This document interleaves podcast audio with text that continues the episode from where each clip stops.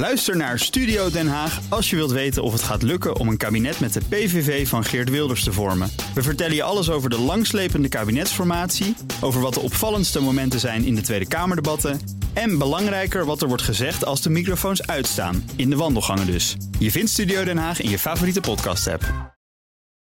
BNR Bouwmeesters wordt mede mogelijk gemaakt door Bouwend Nederland. De bouw maakt het. BNR Nieuwsradio. BNR Bouwmeesters. Roos Abelman. De watersnood die vannacht en vanochtend in ons land is ontstaan, heeft de omvang aangenomen van een nationale ramp. Helaas zijn de laatste uren, behalve berichten over dijkdoorbraken en overstromingen, ook mededelingen binnengekomen die melding maken van slachtoffers. Verscheidene polders zijn ondergelopen of worden op het ogenblik overstroomd. Dit is voornamelijk het geval in West-Brabant en op de Zuid-Hollandse en Zeeuwse eilanden. De toestand in het algemeen is nog zeer onoverzichtelijk. De bewoners zitten op de bovenverdiepingen van hun huizen en zelfs in de bomen. Ja, zo'n watersnoodramp als in 1953. Overigens nu precies 65 jaar geleden vandaag. Mocht nooit meer gebeuren en dus bouwden we een groot aantal waterkeringen en verhoogden we onze dijken. Inmiddels staan we voor nieuwe uitdagingen en daar ga ik over praten met Erik Kraai, plaatsvervangend directeur van het Hoogwaterbeschermingsprogramma, en Martin Schepers, programmamanager van POV Macrostabiliteit. Ja, Welkom. Dank je. Uh, Martin, POV, moet je even uitleggen? Ja, zal ik één keer doen? Eén keer doen, ja. Uh, de POV staat voor project overstijgende verkenning. Uh, en met die verkenning dienen we heel veel projecten, dus daarvoor overstijgend. En macrostabiliteit is het valmechanisme wat wij met onze kennis en kunde proberen nou, eigenlijk meer te doorgronden en uiteindelijk betere oplossing voor te zoeken. En het gaat allemaal over dijken dan? Het gaat allemaal over dijken. Precies. Erik, de komende decennia moet 1100 kilometer dijk versterkt worden. Dat is een derde van alle dijken in Nederland. Waarom is dat nodig? Die dijken zijn heel erg belangrijk in ons land, dus we moeten daar continu aandacht aan besteden. Eh, we hebben ook te maken met klimaatverandering. Strengere normen voor de dijken. En daarom weten we nu dat de 1100 kilometer vooral in het rivierengebied versterkt moet gaan worden de komende jaren. Ja, maar we hebben ze verhoogd, toch? Ja, we hebben de afgelopen jaren flink geïnvesteerd in hogere dijken, in bredere rivieren, om meer water te kunnen afvoeren. Maar gericht op de toekomst zullen we ook nog moeten investeren in de versterking. Oké, dus hoog is één ding, maar dan zijn ze nog niet meteen sterk. Martin, daar kom jij om de hoek kijken. Dat moet jij gaan doen. Uh, welke dijken moeten allemaal versterkt worden? Waar, waar liggen ze? Uh, waar we nou vooral mee bezig zijn, zijn de rivierdijken. Uh, dan vooral in het rivierengebied. En voor de mensen die Nederland een klein beetje kennen op de kaart, van oost naar west ga ik dan meestal maar. Uh, en vervolgens de IJsseldijken richting het IJsselmeer. Dat zijn de grootste dijken zeg maar, die we daarvoor aanpakken. Zitten daar ook de grootste problemen? Daar zit op dit moment ook de grootste problemen. Dat zijn de dijken die het verst tot de veiligheidsnorm zitten. Oké, okay, en wat is het grootste probleem van die dijken nu? Waar, waar zit het zwakke punt? Mm -hmm. Kun je dat zeggen of verschilt dat? Het verschilt per dijk, verschilt per traject. Uh, maar in de regel komen alle drie de valmechanismes te laag. Uh, niet dik genoeg, zullen we maar zeggen. En zand wat onder de dijk doorkomt, zeg maar, komen voor. Oh, dus aan alle, aan alle kanten kan die dijk dus uh, in meer en mindere een mate, probleem ja. veroorzaken. Ja. Jullie doen nu ongeveer 25 kilometer dijk per jaar. Dat klinkt niet alsof dat heel snel gaat, klopt dat? Nee, dat klopt. We zijn nog maar in de opstart. Dus je moet bij zo'n dijkversterking eerst goed kijken wat speelt er nog meer in de omgeving. Welke oplossingen kunnen we voor elkaar krijgen? Is er draagvlak voor? Dus we zitten nu met heel veel voorbereidende werkzaamheden. En we verwachten dat we binnen een paar jaar tussen de 50 en de 100 kilometer per jaar gaan ja, precies. Want dan als gaat het oplopen. Als je 1100 kilometer nog moet doen, dan, ja. uh, dan moet je haast maken. Nu uh, veranderen dijken ook langzaam. Vroeger was het een, een bult zand en klei. Uh, en ter versterking worden er nu dan ook damwanden in aangebracht om die Klopt. steviger te maken. Daar hebben jullie een proefopstelling voor gemaakt uh, in Eemsdijk. En daar hebben wij onze verslaggever Hugo Reitsma naartoe uh, gestuurd om een dijkdoorbraak te bekijken. Dat is de dijk waar het om gaat. We noemen het de Groene Dijk, de dijk zonder damwand. En waar we nu op staan is de dijk waar we later aan toe gaan komen. Dat wordt de dijk met damwand. Koitske de Vries, coördinator van deze proef. Laten we die kant op. Aan de Eem, die een paar kilometer ja. verderop in het Eemmeer uitmondt. Maar niet helemaal aan de Eem, want die ligt 10 meter verderop. Nou, we hebben voor deze proef echt een proefdijk moeten bouwen. Omdat je natuurlijk in dit geval de bestaande dijk niet wil laten bezwijken. Dan loopt want het, onder water. dan loopt het ja. onder water hier. Um, dus vandaar dat we een dijk hebben gebouwd. Maar uh, het is wel een mooie ondergrond hier bij, uh, op deze locatie uh, vlak naast de Eem. want er bevindt zich eh 3,5 meter slap, slappe laag in de ondergrond. En dat maakt het weer eh, nou ja, interessant voor een proef die we hier uitvoeren. Want dat Echte Hollandse slappe Echte bodem. slappe bodem, ja, ja, ja, inderdaad. Nou, als je meeloopt, dan zie je wat er eh, gebeurd is eh, vanochtend. Ja. Oh, dat ziet er niet best uit. Nee, dat ziet er niet best uit, nee. Een stuk Nee. uit de onderkant eh, is, is helemaal weggeschoven. Ja, er is een groot stuk grond weggeschoven. Ik denk over zo'n, nou wat zal het zijn, 25 meter lang. En het mooie was dat, dat zagen we op de meters al een beetje aankomen. Die we volgden in de keten in het zenuwcentrum. Want daar zagen we wat verplaatsing van de ondergrond. En toen zijn we met z'n allen, nou één iemand is in de keet achtergebleven. Want je kunt natuurlijk niet met z'n allen hier staan. Zijn we met, eh, met de rest hier naartoe gegaan. En hebben we eigenlijk die, bezwijk, eh, die bezwijking of die afschuiving van die dijk hebben ja, mooi kunnen volgen. Want dat gebeurde nou ja, eigenlijk eh, nou, over twee uur lang is dit ontstaan. En dat begon met een klein scheurtje aan de buitenkant. En nou, ja, dit is het resultaat. Ja, al dus dijkdoorbraakcoördinator Goitske de Vries in de gesprek met verslaggever Hugo Reitsma. Hij zag dus de door jullie zelf gecreëerde dijkdoorbraak. Ja. Wat gaan we daar nou van leren? Eh, daar gaan we heel veel van leren. Wat we daar aan doen zijn, is dat we eerst een dijk in grond onderuit laten gaan. Vervolgens gaan we damwanden in de grond zetten, die we met een eh, hele grote lier omver gaan trekken. Eh, Want dat ga- gebeurt er in de natuur ook? Nee, Nee. daarmee gaan we de damwand testen. En vervolgens testen we de grond en de damwand samen. En dan kunnen we uit die rekensommen halen hoeveel eigenlijk de grond bijdraagt aan de sterkte van een damwand. Oké, want waar jullie naar op zoek zijn, kan ik me voorstellen, is de snelste methode en de enigszins goedkoopste methode. Lijkt mij. Voor mij als techneut de beste methode. Ja, dat zou ik ook zeggen als ik jou was. Ja, en ook de manier om zo min mogelijk overlast in de omgeving eh, te veroorzaken bij zo'n project. Want er wonen heel veel mensen aan dijken. Ja, Het zijn heel ook veel. eh, dure huizen, er wonen mensen graag natuurlijk. Ja, klopt. En zo'n dijk ligt altijd op de plek waar je, waar je huizen en bedrijven tegenkomt. Dus als we dat kunnen, de overlast kunnen verminderen, scheelt dat enorm. En helpt dat ook in de snelheid van de uitvoering van die projecten. Ja, maar we plaatsen nu al wel damwanden, toch, bij dijken? Klopt. Ja. Maar zijn die niet goed dan? Of is dat te duur? Wat is het probleem ermee? Eh, de damwanden die we nou zetten, dat doen we op basis van oude rekentechnieken en rekenmethodes. Eh, en met alle kennis van tegenwoordig die we hebben eh, en veel meer kunnen monitoren, proberen we steeds dichter naar het punt te komen dat we nou, dat bijdragen wat nodig is, maar ook niet veel meer. Oké, en waar moet ik dan aan denken? Want ik heb het filmpje gekeken, natuurlijk heb ik me hierin verdiept. En toen zag ik een damwand de grond ingaan. Dus eigenlijk hele grote stalen, eh, toch, palen. Ja, die gaan allemaal, platen. de platen Ja. gaan de grond in. Toen werden er ook nog schuine, eh, ja, moet- spijkers eigenlijk, hele grote Ankers schroeven. noemen wij ze. Ah, Ja. Mooi woord. Werden er in de dijk eh, geboord. Ja. En die damwanden werden dan aan de bovenkant nog vastgemaakt. Ja. Ja. Ja, wij bouwen nu damwanden eh, alsof er eh, aan de voor- en de achterkant geen grond zit. Die moet in zijn eentje moet hij de sterkte van de hele dijk opvangen. En wat we nou met deze proeven proberen te doen, is te achterhalen van kunnen we dat ook, eh, die krachten die je aan die ankers eh, eh, toewijdt, kun je die ook aan de grond eh, toewijden, zodat we dat niet meer hoeven te doen. Ja, en dat, dat kost heel veel tijd natuurlijk om te doen. En het lijkt me ook ingewikkeld als er huizen staan. Klopt? Ja, dat klopt. En het is ook heel duur. Dus voor het hele programma hebben we nu zo'n ruim 7 miljard beschikbaar. En dan gaat heel veel geld naar dit soort nieuwe technieken. Maar we willen even kijken of we voor dat geld nog veel meer kilometers kunnen doen. Ja, en daar helpt deze het? proef bij. Wat kost het? Nu, zijn, nu is de, de prijs per kilometer is de, soms tussen de 10 en 20 miljoen. Oh ja. Dus dat is heel veel geld. Ja. We hebben heel veel geld, maar dat willen we ook zo goed mogelijk besteden aan de beste oplossingen. Ja, nu haalde ik in de tease voor dit programma eh, de dijkdoorbraak in Wilnis aan in 2003. Iedereen kan zich die denk ik nog wel herinneren. Het was namelijk gewoon hoogzomer. Het had helemaal niet echt per definitie geregend. Maar die, die dijk die brak door eh, omdat er zand in zat, toch? Er was een soort zandbult waar die doorheen brak. Ja, het had, eh, de oorzaak was droogte en eh, het had te maken met de, met de grondopbouw van die dijk. Het was wel een regionale kering, dus niet een kering eh, waar wij het nu over hebben... die echt het buitenwater tegenhoudt en, en zorgt dat overstromingen niet voorkomen. Dus deze dijk valt eigenlijk niet onder jullie. Die valt niet onder dit Nee. programma, maar die heeft wel heel veel kennis opgeleverd. Want ook door klimaatverandering kunnen we niet alleen te maken krijgen met meer water... maar ook met hele droge periodes. En dan Hm. moeten we deze dijken ook goed in de gaten houden. Maar heeft zo'n dijkdoorbraak geholpen bij jullie pleidooi om die dijken in Nederland nou eens te versterken? Jazeker. Ja, daar is, meer steeds meer, daar is steeds meer aandacht voor. Klimaatverandering, het bewustzijn van mensen helpt. En bij dit soort ja, helaas optredende gevallen hebben we dat natuurlijk zeker ook gemerkt. Maar ook internationaal. Dus ook eh, doorbraken bij Katrina, dat soort doorbraken. Die werken nu ook mee zeg maar, in de kennis die wij hier opbouwen. En omgekeerd, onze kennis gaat ook die kant op. Want weten we dan dus ook uh, wat er met die dijken gebeurt, bijvoorbeeld over de jaren heen? Is dat ook kennis die, die, die handig is? Ja wij, uh, ja, wij monitoren steeds met dijken. Binnen mijn totale programma wat ik heb uh, in, voor innovatie zit ook een cluster wat zich bezighoudt met monitoring over de hele levenscyclus van een dijk. Zodat we steeds meer weten van hoe beweegt die dijk zich.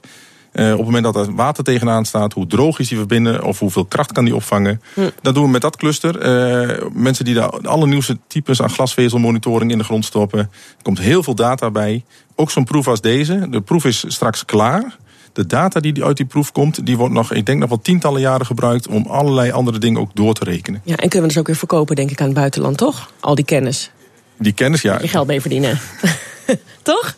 Nu, nu ben ik benieuwd. Die klassieke dijk, zoals ja. we ze kennen, die, voor hoeveel jaar was die gebouwd? Met, met hoeveel jaar in gedachten van nou, dan houdt hij wel het water tegen? Nou, de normaal, uh, als je een klassieke dijk hebt, zoals jij bedoelt, uh, mooi zandkerntje, klei eromheen, die ontwerpen wij in de regel voor 50 jaar vooruit. Dus op het moment dat die afgekeurd is en we moeten hem herstellen, dan kijken we zo'n beetje 50 jaar vooruit naar het klimaat en naar de hoogtes. En op basis daarvan bouwen we die dijk. Oké, okay, en hoe gaat het nu met die, zal ik ze nieuwe dijken noemen? En als je de, de, nieuwe de high-tech dijken?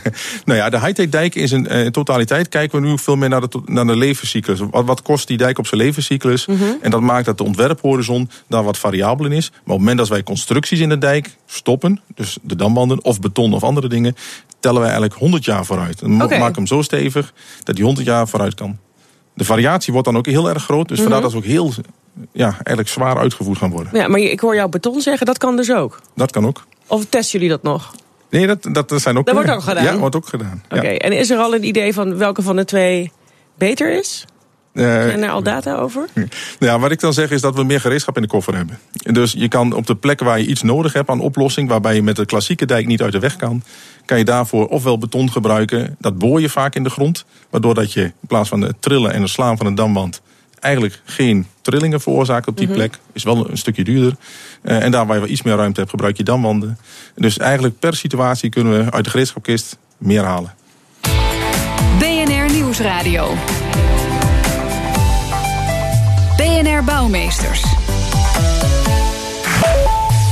Zometeen, met dijken alleen houden we onze voeten niet droog. Er is veel meer nodig.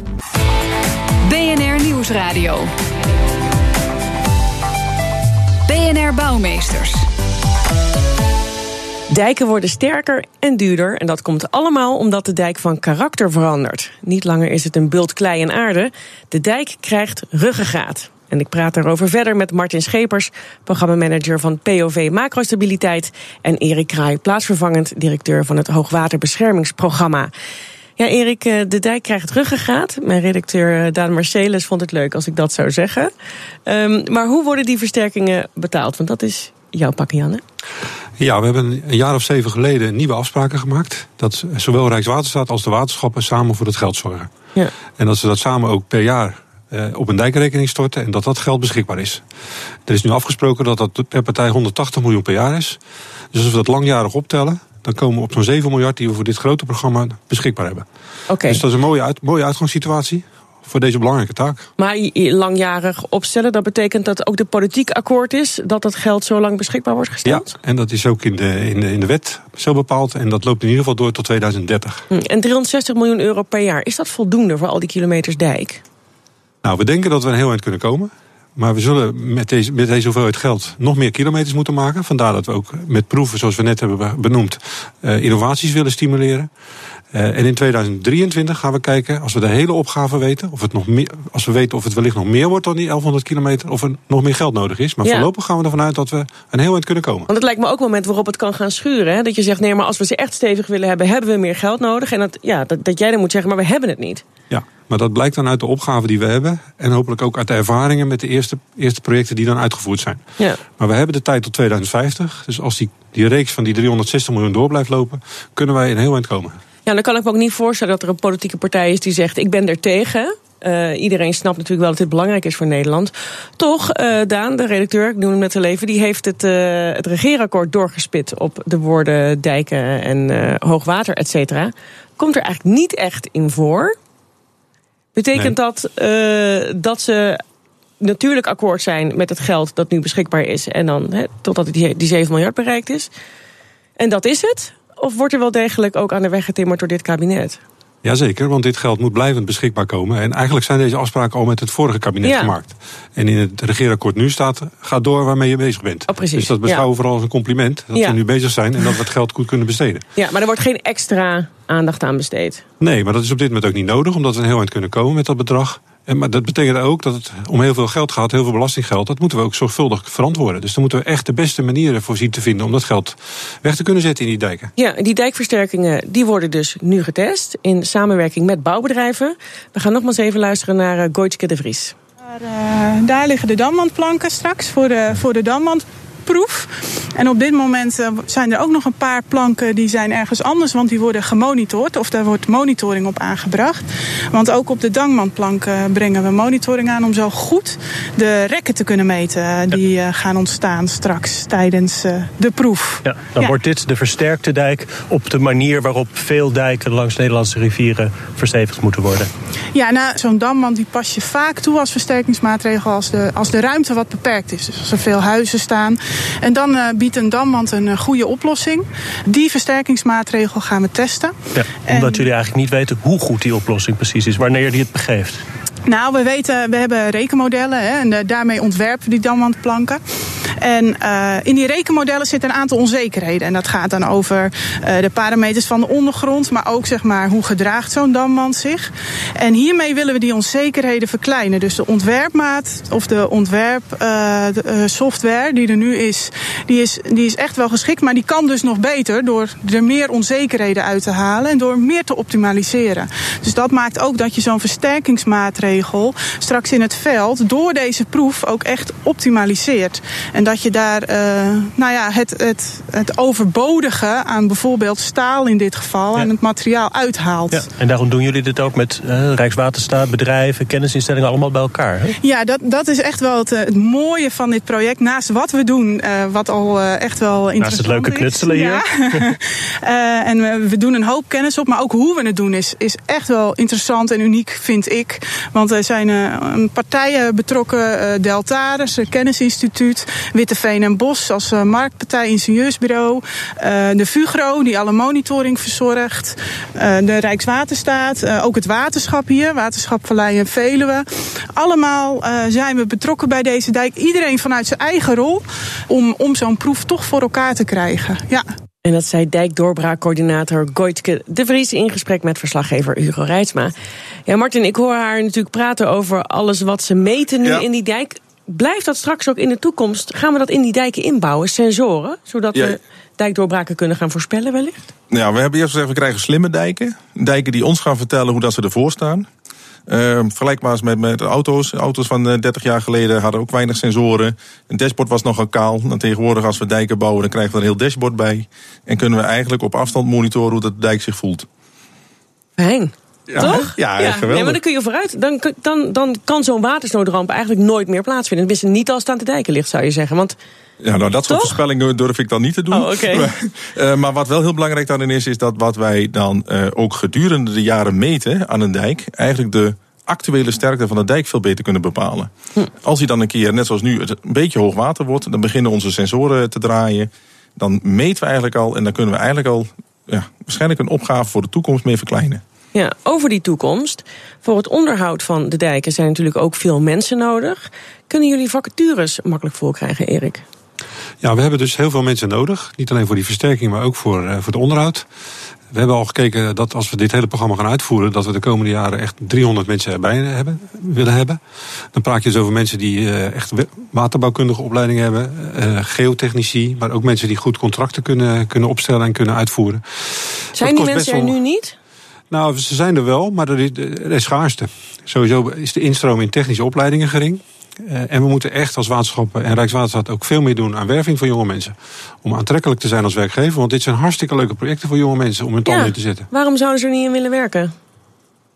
Ja, dat is een goede. Ja, Ja. ik ben er ook in begonnen. En Ja, ik vind het Ja, dus geweldig. ik verwacht nu gewoon echt een enorme reclamepraatje van. Uh, Nou ja, we, ja, we, we, krijgen al wat veel studenten binnen die bij ons naar stages gaan lopen, die afstudeerprojecten doen. We hebben uh, studieprogramma's aan de universiteiten, uh, waarin dat we ook zeg maar uh, onze vraagstukken naar binnen brengen om daar antwoorden te zoeken met studenten. We zien ook bij de bedrijven die veel voor ons werken, zien we eigenlijk hetzelfde een beetje gebeuren. Die komen ook met mensen tekort. Uh, maar we moeten nog veel meer kennis bij elkaar brengen. Ja, ik heb zou je samen moeten werken eigenlijk dan? Dus met bedrijven en de overheid om mensen op te leiden? Ja, dat is bij uitstek wat, waar we naartoe willen met dit programma. Want het is veel, het gaat om heel veel geld.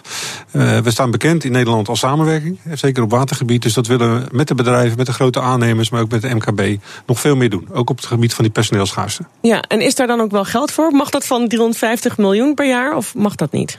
Ja, die mensen, in ieder geval die mensen bij Rijkswaterstaat en de waterschappen, bij de waterschappen vooral, worden betaald uit dat geld. Dus ja. het is niet alleen de projectkosten, maar ook de mensen die nodig zijn om het voor te bereiden en te begeleiden. Maar dan zou je zeggen, scholing voor mensen die dit werk graag willen doen, zou je daar ook van kunnen betalen. Klopt. En, het allemaal uh, voorbereiding op de toekomst. Ja, dus wat we nu vooral doen, is mensen die in de sector al werkzaam zijn bij de waterschappen, die op te leiden en die te trainen. En die te helpen in, in dit vakgebied. En met nieuwe ontwikkelingen kennis te laten nemen. En de komende jaren zullen we ook steeds meer moeten investeren in nieuwe mensen. Ja. Die nu in de opleiding zitten, of misschien nog daarvoor. Ja, want als dat niet gebeurt, stel we doen helemaal niks. Hoe groot is dan het probleem? Als we die mensen niet klaarstromen, niet klaar hebben staan? Nou, dan kunnen we niet het tempo maken richting die 50 en 100 kilometer per jaar. Want de, mensen moeten het doen. Het is allemaal mensenwerk. Het, het, is heel veel techniek, maar uiteindelijk zijn het mensen die het voorbereiden, mensen die het uitvoeren. Dat is nog eens een, een, een baan waarbij de robotisering het niet heel gauw overneemt. Dat denk ik niet. Daar hebben we het heel vaak over bij, uh, bij BNR. Maar dit, is dus, dit blijft dus gewoon mensenwerk. Ja, met al die nieuwe technieken erbij zelfs. Ja. Dus het is en-en. Ja, maar goed, er wordt aan gewerkt. Uh, tot slot, uh, naast dan dit personele probleem, wat is de grootste uitdaging? Laten we zeggen voor het komende jaar. Martin? Nou, voor mij de grootste uitdaging uh, in het kader van de innovaties die we nu hebben en de dingen die op de plank hebben liggen, is de toepasbaarheid. Uh, uh, dijkbeheerders, de waterschappen, waar ik zelf ook werk, zijn toch altijd wat terughoudend als het over nieuwe dingen gaat. en dus uiteindelijk die innovaties dan ook echt in de dijk krijgen en ze dus return on investment krijgen, letterlijk en figuurlijk. Dat is de uitdaging voor de komende jaar, anderhalf jaar. En Erik? Nou, toch kunnen we van de voorbereiding naar de uitvoering. En kunnen we de, de, partijen die bij de uitvoering nodig zijn om goed laten aansluiten op de, op de voorbereidende werkzaamheden die de waterschappen met name doen. Dus kunnen we elkaar in die samenwerking ook goed vinden. Dank jullie wel, heren. En succes met de dijken. Martin Schepers, programmamanager van POV Macrostabiliteit. En Erik Kraai, plaatsvervangend directeur van het Hoogwaterbeschermingsprogramma. BNR Bouwexpo. Ja, we zetten weer een bijzonder gebouw in de schijnwerpers. En de curator van de Bouwexpo, Daan, heeft weer een heel mooi gebouw gevonden. En voor de verandering heb ik helemaal niet lang hoeven zoeken, uh, Roos. We staan er namelijk middenin. Oh, heb je dit gebouw genomen? Ja, ik heb gewoon ons eigen gebouw gekomen, gekozen inderdaad. De redactie van BNR, gehuisvest in een oude Renault-garage... of althans in de ja, kantoorlagen die daar bovenop zijn uh, gebouwd. Uh, wij zijn namelijk inpandig verhuisd. Dat uh, heb jij ook meegemaakt. Ja. van links in het gebouw naar rechts in het gebouw of andersom, net hoe je kijkt. En bij zo'n verhuizing, Roos, dan weet je dan ben je toch ineens bewust of op, opnieuw bewust eigenlijk van je eigen omgeving. Ja, ik vind dat wij er nu beter bij zitten, Daan. Ja, ik vind ook dat we er beter bij zitten ik mis wel een beetje het uitzicht op de treinen dat we vroeger hadden. Uh, maar goed, ik heb, natuurlijk helemaal geen tijd om daar naar te kijken en zo. Uh. Maar uh, tegelijkertijd, ja, het is een hele grote open kantoortuin eigenlijk, zoals je dat tegenwoordig vaak ziet. Het idee is natuurlijk dat je dan makkelijk contact kunt maken, dat er veel interactie is met de mensen. Nou, BNR Radio mensen die kletsen heel veel, dus dat sowieso zeker gelukt. Tegelijkertijd is het einde van die open kantoren ook al heel vaak voorspeld. komt er dat mensen zich niet prettig zouden voelen. Uh, Vox, Amerikaanse website, uh, dook in de geschiedenis van het open kantoor. En kwamen eigenlijk uit bij uh, grondlegger Frank Lloyd Wright. Die, um, ja, die heeft de allereerste open kantoren kennelijk ontworpen. En dat was echt met een heel specifiek idee. Het moest allemaal heel ruim zijn en heel open en heel erg licht. The ceiling let in natural light. Visitors compared it to a cathedral. Wright also specially designed each of these desks and chairs. Ja, en die stoelen en uh, tafels die stonden dan heel ver van elkaar af. Hè. Dus mensen hadden heel erg veel ruimte, zullen we maar zeggen. Uh, hij beschrijft in dit filmpje trouwens uh, Johnson Wax, het hoofdkantoor van die firma in de Verenigde Staten. nu zien open kantoren er natuurlijk heel anders uit. kantoren staan ja, rij aan rij, eigenlijk zij aan zij. En direct tegenover je zit weer iemand. Dat staat mijlenver af van de ideeën van die architect Frank Lloyd Wright. Wright believed new materials, like steel, enabled bolder designs. The box was a fascist symbol, and the architecture of freedom and democracy needed something beside the box. Just in case you missed that, he just said boxes are fascist. Ja. Zijn die nou echt? Ja. Dat boxen fascisten zijn. Oké, dat zijn grote woorden, Daan. Ja, dat zei hij echt. En dat zijn in het hele grote woorden. Ik wil niet zeggen dat ik die analyse helemaal uh, deel. Uh, of, of eigenlijk überhaupt niet deel. Ik vraag me af of een geografische vorm fascistisch kan zijn. Maar uh, die, het was natuurlijk ook de tijd van de grote ideeën hè, waar, waar die architect in werkte. Inmiddels werkt bijna iedereen met een kantoorbaan, denk ik, in een open kantoorachtige omgeving. Uh, misschien de gast van vandaag ook, die klikken, knikken zeker. nu weet je in elk geval waar dat vandaan komt. En, en, en, en ja, het kan wellicht ook anders stof om over na te denken tijdens het dagelijkse koffierondje. Dankjewel, Daan. Dat was Bouwmeesters voor eh, deze week. Heb je vragen of tips? Mail die dan naar bouwmeesters.bnr.nl. Je kunt de show natuurlijk terugluisteren op bnr.nl/slash bouwmeesters. Dat kan trouwens ook via iTunes en Spotify. Ik ben Roos Abelman en ik spreek je volgende week weer. BNR Bouwmeesters wordt mede mogelijk gemaakt door Bouwend Nederland. De bouw maakt het. Ook Diana Matroos vind je in de BNR-app. Ja, inderdaad. Je kunt live naar mij luisteren tijdens de Big Five. Ook handig in de BNR-app. Breaking nieuwsmeldingen, maar ook het allerlaatste zakelijke nieuws. En je vindt in de app alle BNR-podcasts, waaronder Wetenschap Vandaag. Download nu de gratis BNR-app en blijf scherp.